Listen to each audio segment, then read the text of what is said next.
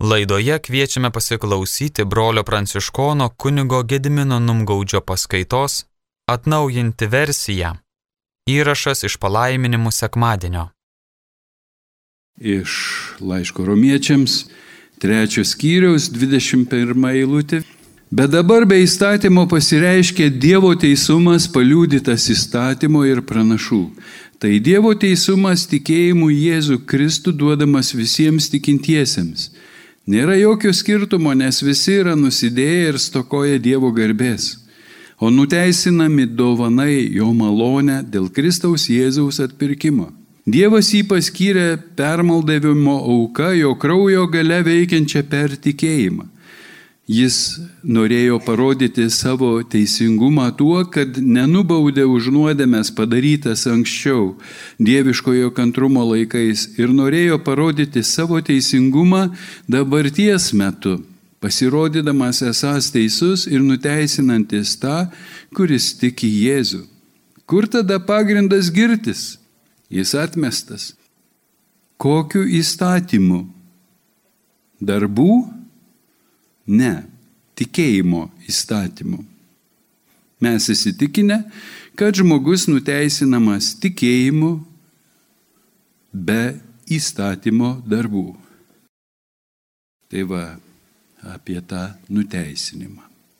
Tai kas čia dabar dedasi?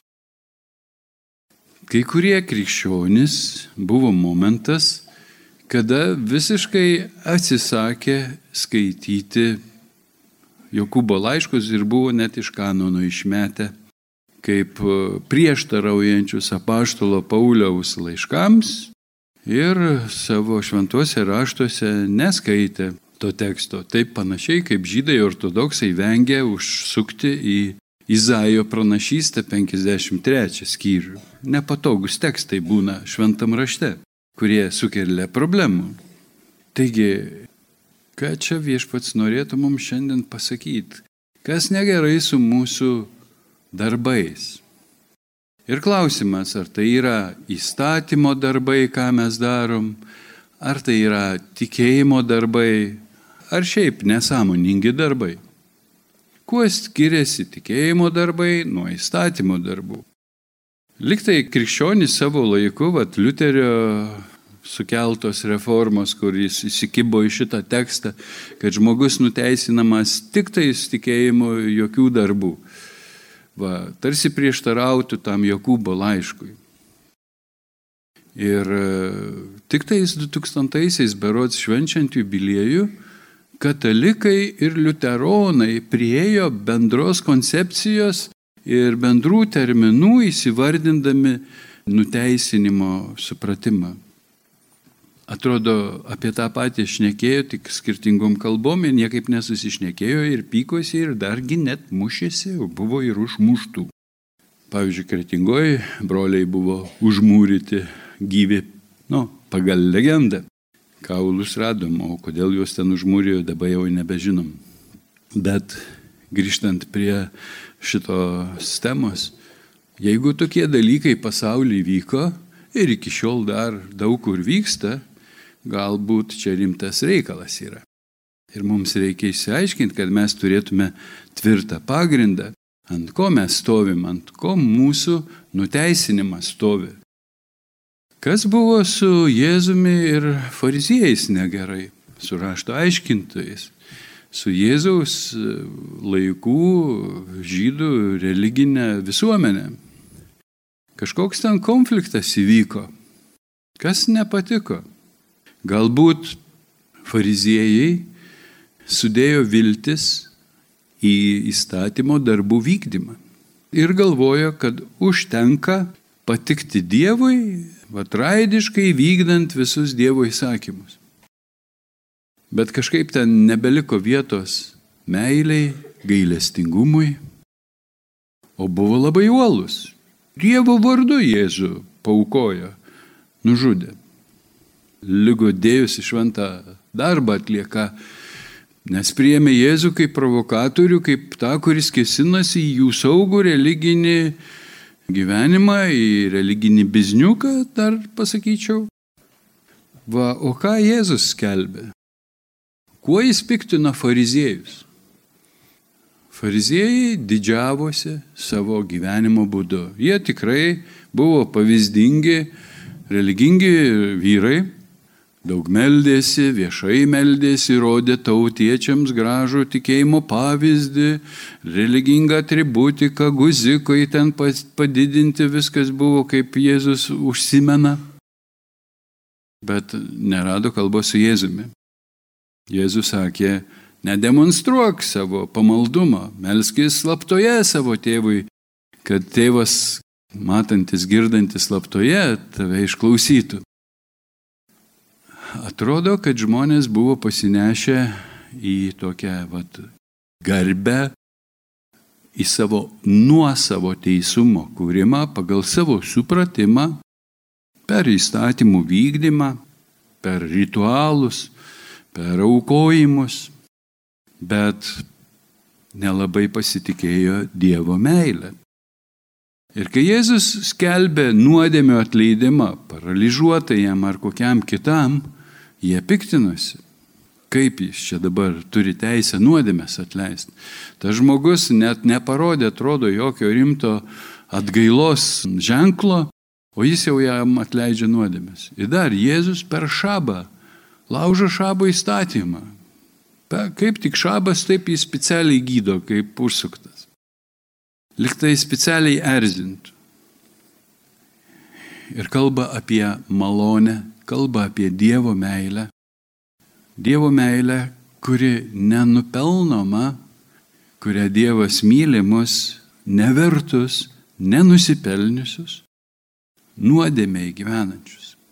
Jis kelbė, Dievas taip pamilo pasaulį, jog atsiuntė savo sūnų, kad pasaulis nepražūtų, bet būtų išgelbėtas. Jėzus skelbė meilę. Ir čia va, kažkaip ta Dievo meilė konfliktuoja su tuo religiniu pasauliu, kuris sudėjęs viltis į savo nuopelnus, į savo nuosavo teisumo kūrimą. Na gerai, panagrinėkim truputį savoką - teisumas. Kas yra teisus.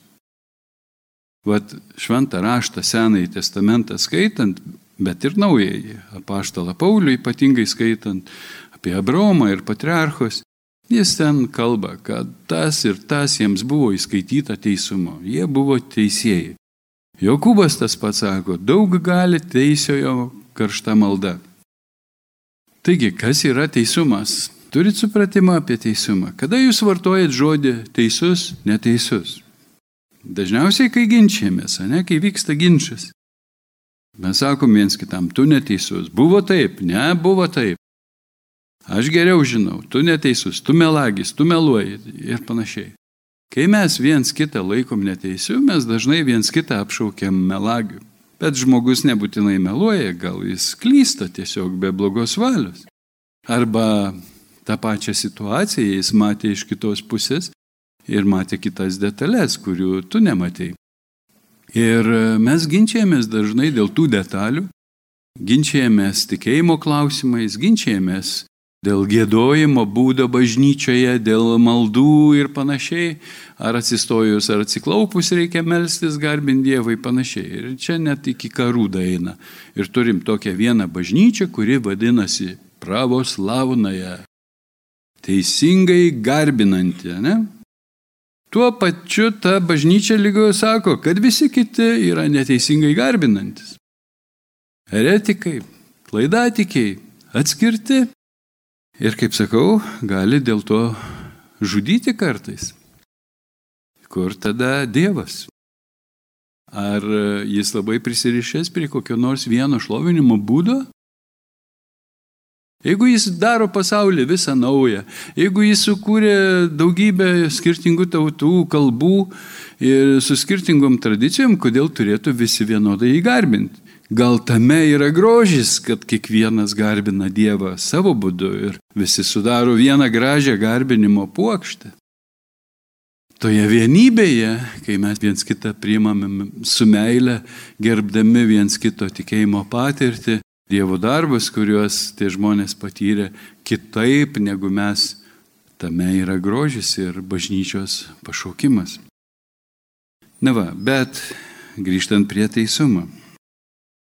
Kaip praktiškai galėčiau pavaizduoti mūsų asmeninį konfliktą kartais katalikų bažnyčioje, kurį aš matau tikinčiųjų gyvenimuose ir esu čia šitoj salėje nekartą irgi kalbėjęs apie tai, bet gal ne visi buvot ir kam nors bus naudinga šiandien išgirsti.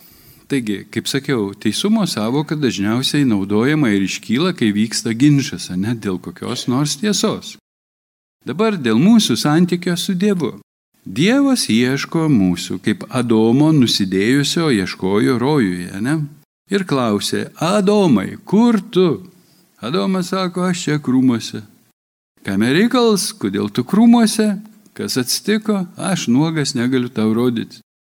Gal tu valgiai vaisių, kurį buvau sakęs tau nevalgyti? Davėjai man Jėvą, jį man davė, aš ir valgiau, pats kalts.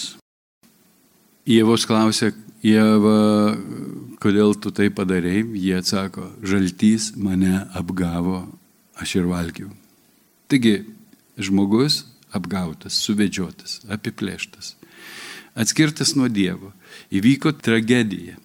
Žmogus mirė Dievui. Dievas neteko žmogaus per Adomo ir Jėvos nuodėmę. Ir dabar nuo to Adomo ir Jėvos tarsi tęsiasi ta Dievo pastanga prisijaukinti žmogų vėl atgal, susigražinti į namus, nes jis sukūrė žmogų tam, kad žmogus gyventų su Dievu, pažintų Dievą, pažintų jo meilę, jo išmintį ir pats pasidarytų kaip Dievas, mokydamasis iš Dievo, pažindamas, kas yra gera ir bloga iš Dievo. O velnės pasiūlė jam kitą kelią - pažinimo medį. Ir pirmoji stabmeldystės nuodėmė Jis suabejojo Dievu ir sudėjo viltį į pažinimo medį, į pažinimo medžio vaisių, kuris duos jam pažinti gerą ir blogą ir padarys jį kaip Dievas. Ir jie netapo dievais, bet neteko ir tai, ką turėjo dieviško. Ir dar daugiau jie tapo kontroliuojami, valdomi, priklausomi nuo piktųjų dvasių, kurios dažnai manipuliuoja mūsų jausmais, mūsų mintimis, mūsų supratimais ir deda mus į klaidas. Ir mes, kaip Dievo žodis sako, traukte esame traukiami prie stabų. Todėl nenuostabu, kad tikybos pamokose labai liūdna. Bet jeigu kas pradeda kalbelę apie ekstrosensų, mūšius, apie burtus visokius, žinius, magus, kerėtojus, tai iškart klasiai sujudimas, a ne jaunimas. Visiems labai įdomu. Burtai, horoskopai, spiritizmas, magija, kaip čia mums pasidaryti galingais, kaip dievais. O tas kelias, kurį Dievas nurodė, mums atrodo silpnas, netobulas ir pavelnės mums siūlo tobulumą. Ir mes pasimaunam. O kai jau pakliūnam į bėdą, tada mes šaukėmės Dievo pagalbos. Dieve pasigailėk, Dieve gelbėk, nusidėjom, gelbėk. Dievas ateina mūsų gelbėti. Jis siuntė Mozę, buvo problemų Mozei su tautiečiais, ne? Nenorėjo jie tikėti Mozę ir tuo Dievu. Ir pastoviai provokacijos, pastoviai nutrūkdavo bandydami savo teisumą susikurti, tai veršį garbindami, tai dar kažką. Ir Dievas davė torą, davė dešimt žodžių savo mylimiems vaikams, kad padėtų susigaudyti, kas yra gera ir bloga. Davė įstatymą. Ne, nedarysi to, nedarysi to, kadangi aš tave išvedžiau Izraelį, kadangi aš tave išvedžiau iš Egipto vergyjos, Tu neturėsi kitų dievų, tik tai mane vieną. Ar paskaityti gal tą tekstą? Tada Dievas ištarė visus šiuos žodžius. Aš esu viešpats tavo Dievas, kuris išvedžiau tave iš Egipto žemės, iš vergijos namų. Neturėsi kitų dievų, tik tai mane. Nedirbsi savo drožinio, nei jokio paveikslo panašaus į tai, kas yra aukštai danguje, čia žemėje ir vandenyse po žemę. Nesilenksi jiems ir negarbinsi jų, nes aš viešpats tavo Dievas esu pavidulingas Dievas, skiriantis bausmę vaikams už tėvų kaltę iki trečios ir ketvirtos kartos tų, kurie mane atmeta. bet rodantis ištikimą meilę iki tūkstantosios kartos tiems, kurie mane myli ir laikosi mano įsakymų. Nenaudosi piktam viešpatie savo Dievo vardo, nes viešpats nepaliks nenubausto to, kuris naudoja piktam jo vardą. Atmink ir švesk šabo dieną, šešias dienas triūsi ir dirbsi visus savo darbus, bet septintoji diena yra viešpaties tavo Dievo šabas. Nedirbsi jokio darbo, nei tu, nei tavo sūnus, ar duktė, nei tavo vergas ar vergė, nei tavo galvėjai, nei ateivis gyvenantis tavo gyvenvietėse, juk per šešias dienas viešpats padarė dangų ir žemę, jūrą ir visą, kas juose, bet septintąją dieną ilsėjusi. Todėl viešpats septintąją dieną palaimino ir pašventino. Gerbk savo tėvą ir motiną, kad ilgai gyventumei žemėje, kurią viešpats tavo Dievas tau skiria. Nežudysi, nesvetimausi, nevoksi, neliūdisi melagingai prieš savo artimą, negeisi savo artimo namų, negeisi savo artimo žmonos ar vergo, bei vergės, ar jaučio, ar asilo, ar bet ko, kas priklauso tavo artimui. Taigi, viešpats davė įstatymą, kaip karalius, kuris išlaisvino tautą iš vergyjos ir dabar sudaro sutartį. Aš būsiu jūsų karalius, būsiu jūsų dievas. Štai jums įstatymai, kuriuo jūs turit laikytis, kad jums gerai sektųsi, kad jūs laimingi gyventumėt pagal mano žodį. Ir tauta pasakė, amen, jie įsipareigoja gyventi pagal tą žodį. Bet pastoviai įlaužė, nes Dievo žodis sako, kad išpildyti įstatymą ne vienam žmogui nėra įmanoma. Kam tada Dievas davė tos įstatymus? Kad parodytų, kas yra gera ir bloga. Ir kad auklėtų žmogų kaip auklėtojas įstatymas. Bet tas įstatymas neišgelbėja žmogaus, sako paštalas Paulius laiškė rumiečiams. O mes kartais manipuliuojame Dievo įstatymais, ypač tėvai, mūsų ar neauklėjo taip tėvai, kad Žiūrėk, nemeluok, o Dievas tave nubaus. Biški kas, Dievas tave nubaus. Ir po bausmės baime mums buvo skiepijami įstatymai. Laikytis Dievo įsakymų, kad negautum nu Dievo per galvą, kad neatsitiktų tau nelaimė, kad pagaliau nepakliūtum į pragarą. Nu, panašiai ir žydeliai, ko gero, gyveno tokioj nuotaikoj. Ir Moze atrodo panašiai mokė, nors Šitame tekste yra užuomina. Izraeli, kadangi aš tave išvedžiau iš Egipto vergyjos, tu matei mano ištikimąją meilę tau.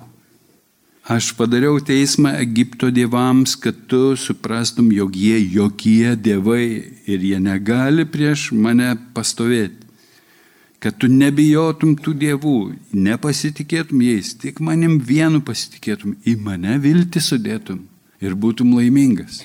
Dievas kuria meilės ir pasitikėjimo santyki, bet velnės yra visą laiką linkęs iškreipti mūsų santyki su Dievu ir daryti jį neteisingą, kad liūdintume Dievą ir kad tai mus atskirtų nuo Dievo.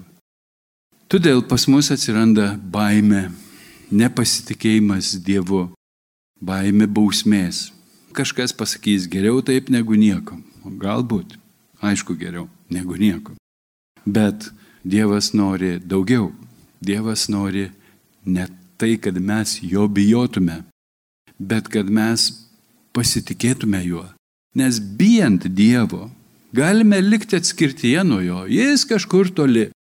Mes čia žemėje laikomės įstatymų, kad ten neusitrauktume bausmės, kad jis mus laimintų, nebaustų, mus turtais apipiltų, dovanų mums reikia, tai mes kaip prieš viršininką kokį, prieš Dievą. Stengiamės įtikti jam, gėdam jam giesmės gražiausias, tu nuostabus, tu šventas, tu didingas, tu galingas. Bet viešpatie žodis sako, jie lūpomis šlovina mane, bet jų širdis toli nuo manęs. Dėl ko? Dėl to, kad jie nepažįsta Dievo meilės, dėl to, kad jie neturi meilės savy. Jūs galite irgi pas viršininką nueiti ir jam komplimentų sakyti, arba kaip vaikai dažnai daro tėvams, arba mokytojams, geriau mokytojams, ne? prisižada visokių dalykų, kad tik išgautų naudos. Bet apsisukę kartais šaiposi, tyčiojasi iš savo viršininkų ar mokytojų ir panašiai. Nes nėra santykio. Dievas ieško santykio. Jis kviečia mus į santyki, į meilės ir draugystės, visoško pasitikėjimo santyki. Ir todėl Dievas sako, aš myliu tave ir atleidžiu tau tavo kaltes. Ateik pas mane, kalbėkime. Ir aš tave nuvalysiu, nuplausiu, padarysiu tave baltesnį už sniegą. Bet aš sakau, ne, ne, ne, ne, Dieve, tu negali man atleisti. Nes mano nuodėmės tokios didelės, kad tu negali jų atleisti.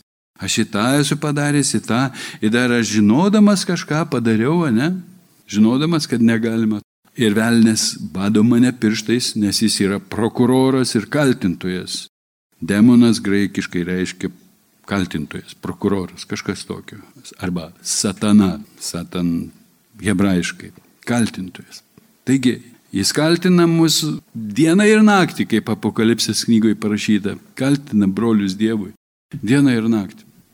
Ir kaltina mane, man pačiam, jis sako, tu brūdas, tu šiauks, tu toks, tu nevertas, tu nedrįsk rodytis Dievo akivaizdoj. Piktasis dažnai forsuoja, atrodo geram darbui, kad tu nusipelnytum. Įstatymo darbais, religingum apygum, o dažniausiai kyšiais, ne? mes papirkinėjom korupciją, su kuo pasaulis niekaip nesusiduroja. Duodam kyšį, kad gaučiau daugiau. Ateina pas merą ir siūlo kišiuką, kad prastumt kokį projektėlį. Ne?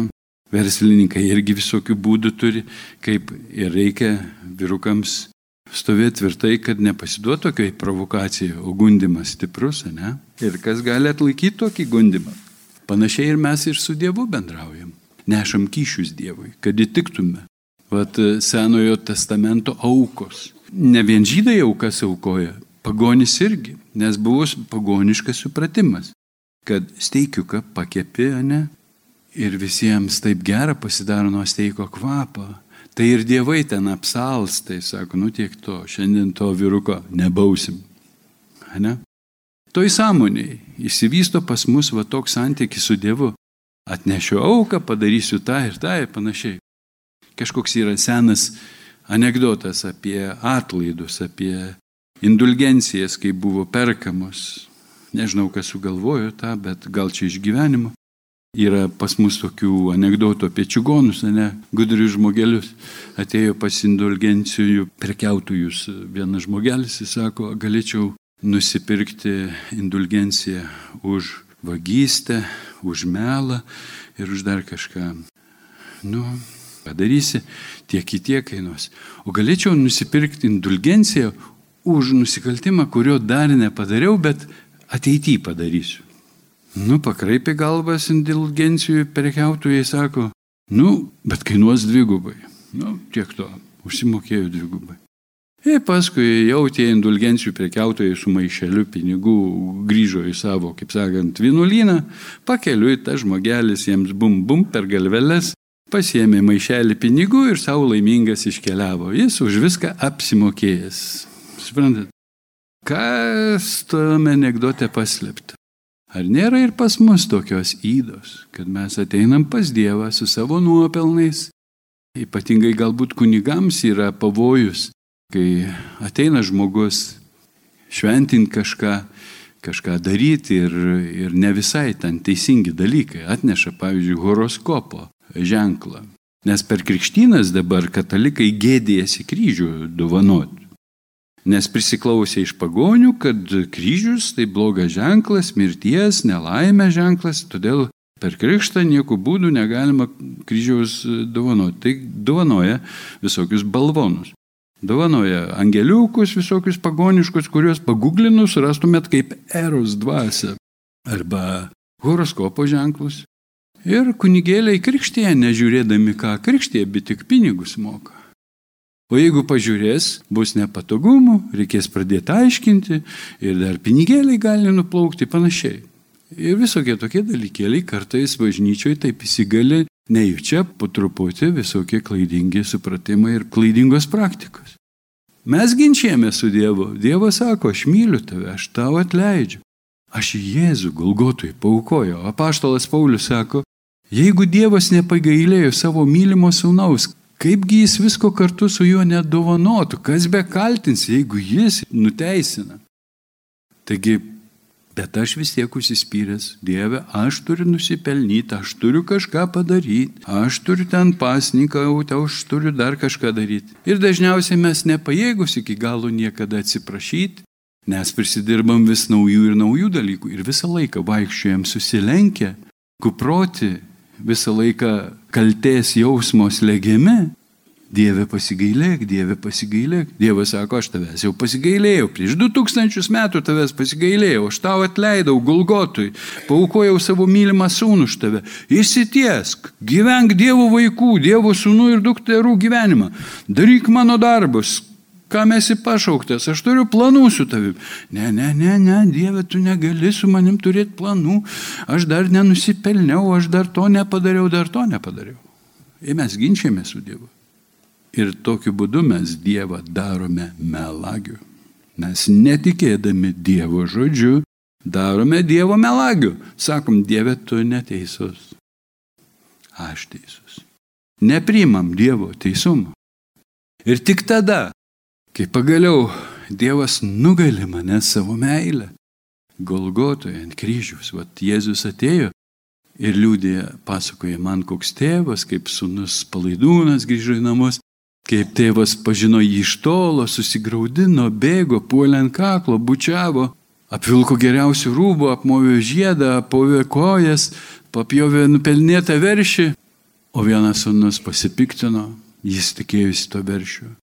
Ir jis nesidžiaugė sunaus grįžimo. Ir sako, tiek metų tau tarnauju, niekada įstatymo tavo neperžengiau, o tu man nesidavęs neužiko su draugais pasilinksmin, bet vos tik sugrįžo šitas tavo sunus, praryjęs tavo į turtą su kekšim, tu to jau jam papjojai nupenėtą veršį. Ir nenorėjo eiti namus. O ten muzika, šokiai, ten linksmybės.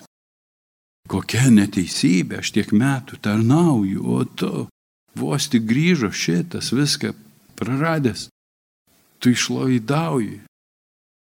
Tai kuris teisus? O tas vis vadina ir sako, reikėjo džiaugtis ir linksmintis, nes tavo brolis buvo miręs ir atgyjo, buvo žuvęs ir atsirado.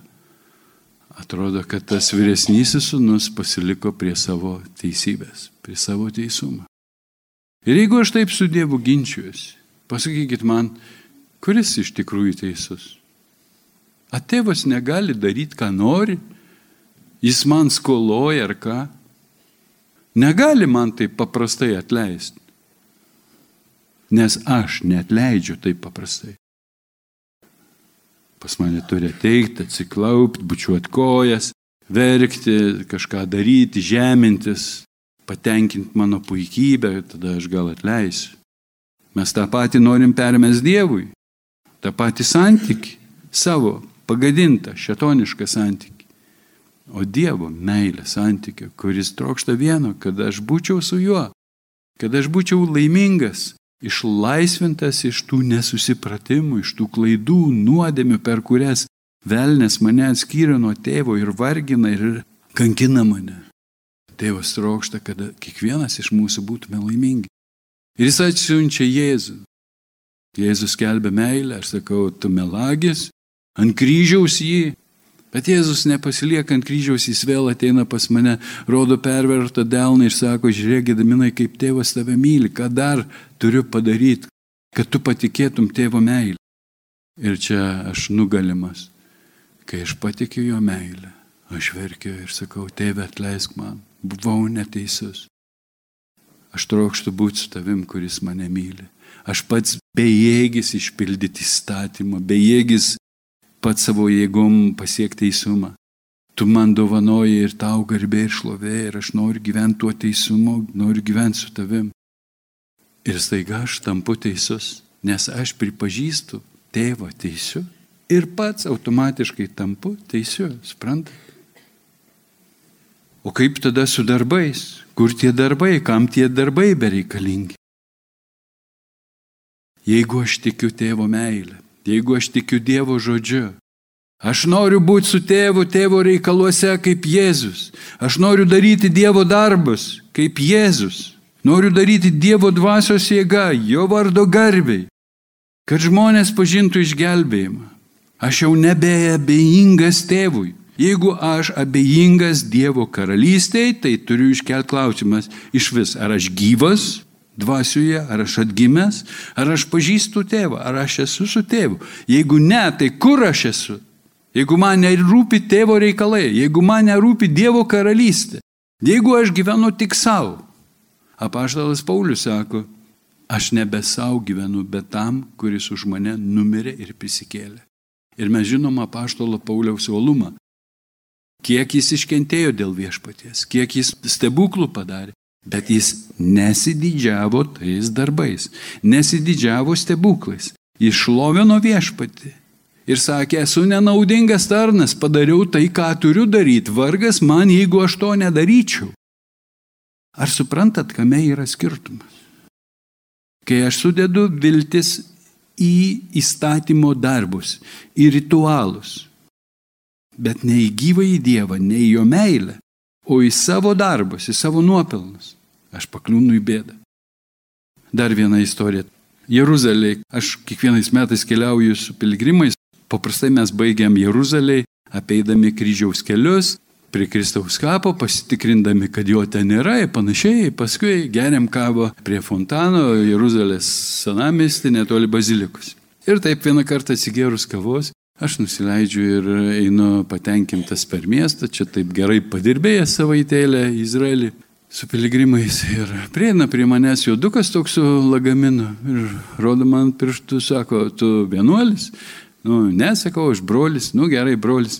Kaip galvoja, tu esi išgelbėtas? Nu, jo, sakau, aš galvoju, kad esu išgelbėtas po tiek va tokių gražių patirčių, jau, jaučiausi išgelbėtas. Ir jis man sako, pasakyk man dvi priežastis, dėl ko tu galvoji, kad esi išgelbėtas. Nu, ir sakau, pirmiausia, aš myliu Dievą. Šypsosi tas jos dukas. Nu ir antra, sakau, mylėdamas Dievą, aš stengiuosi kažką daryti dėl jo. Jis sako, man ne. O, čia pavojus mano reputacijai. O da toks arabas senukas priejo, toks žvalgas ir, aha, kas čia yra? Ir jis man sako, tu esi išgelbėtas tik dėl to, kad Ješua už tave numerė ir prisikėlė.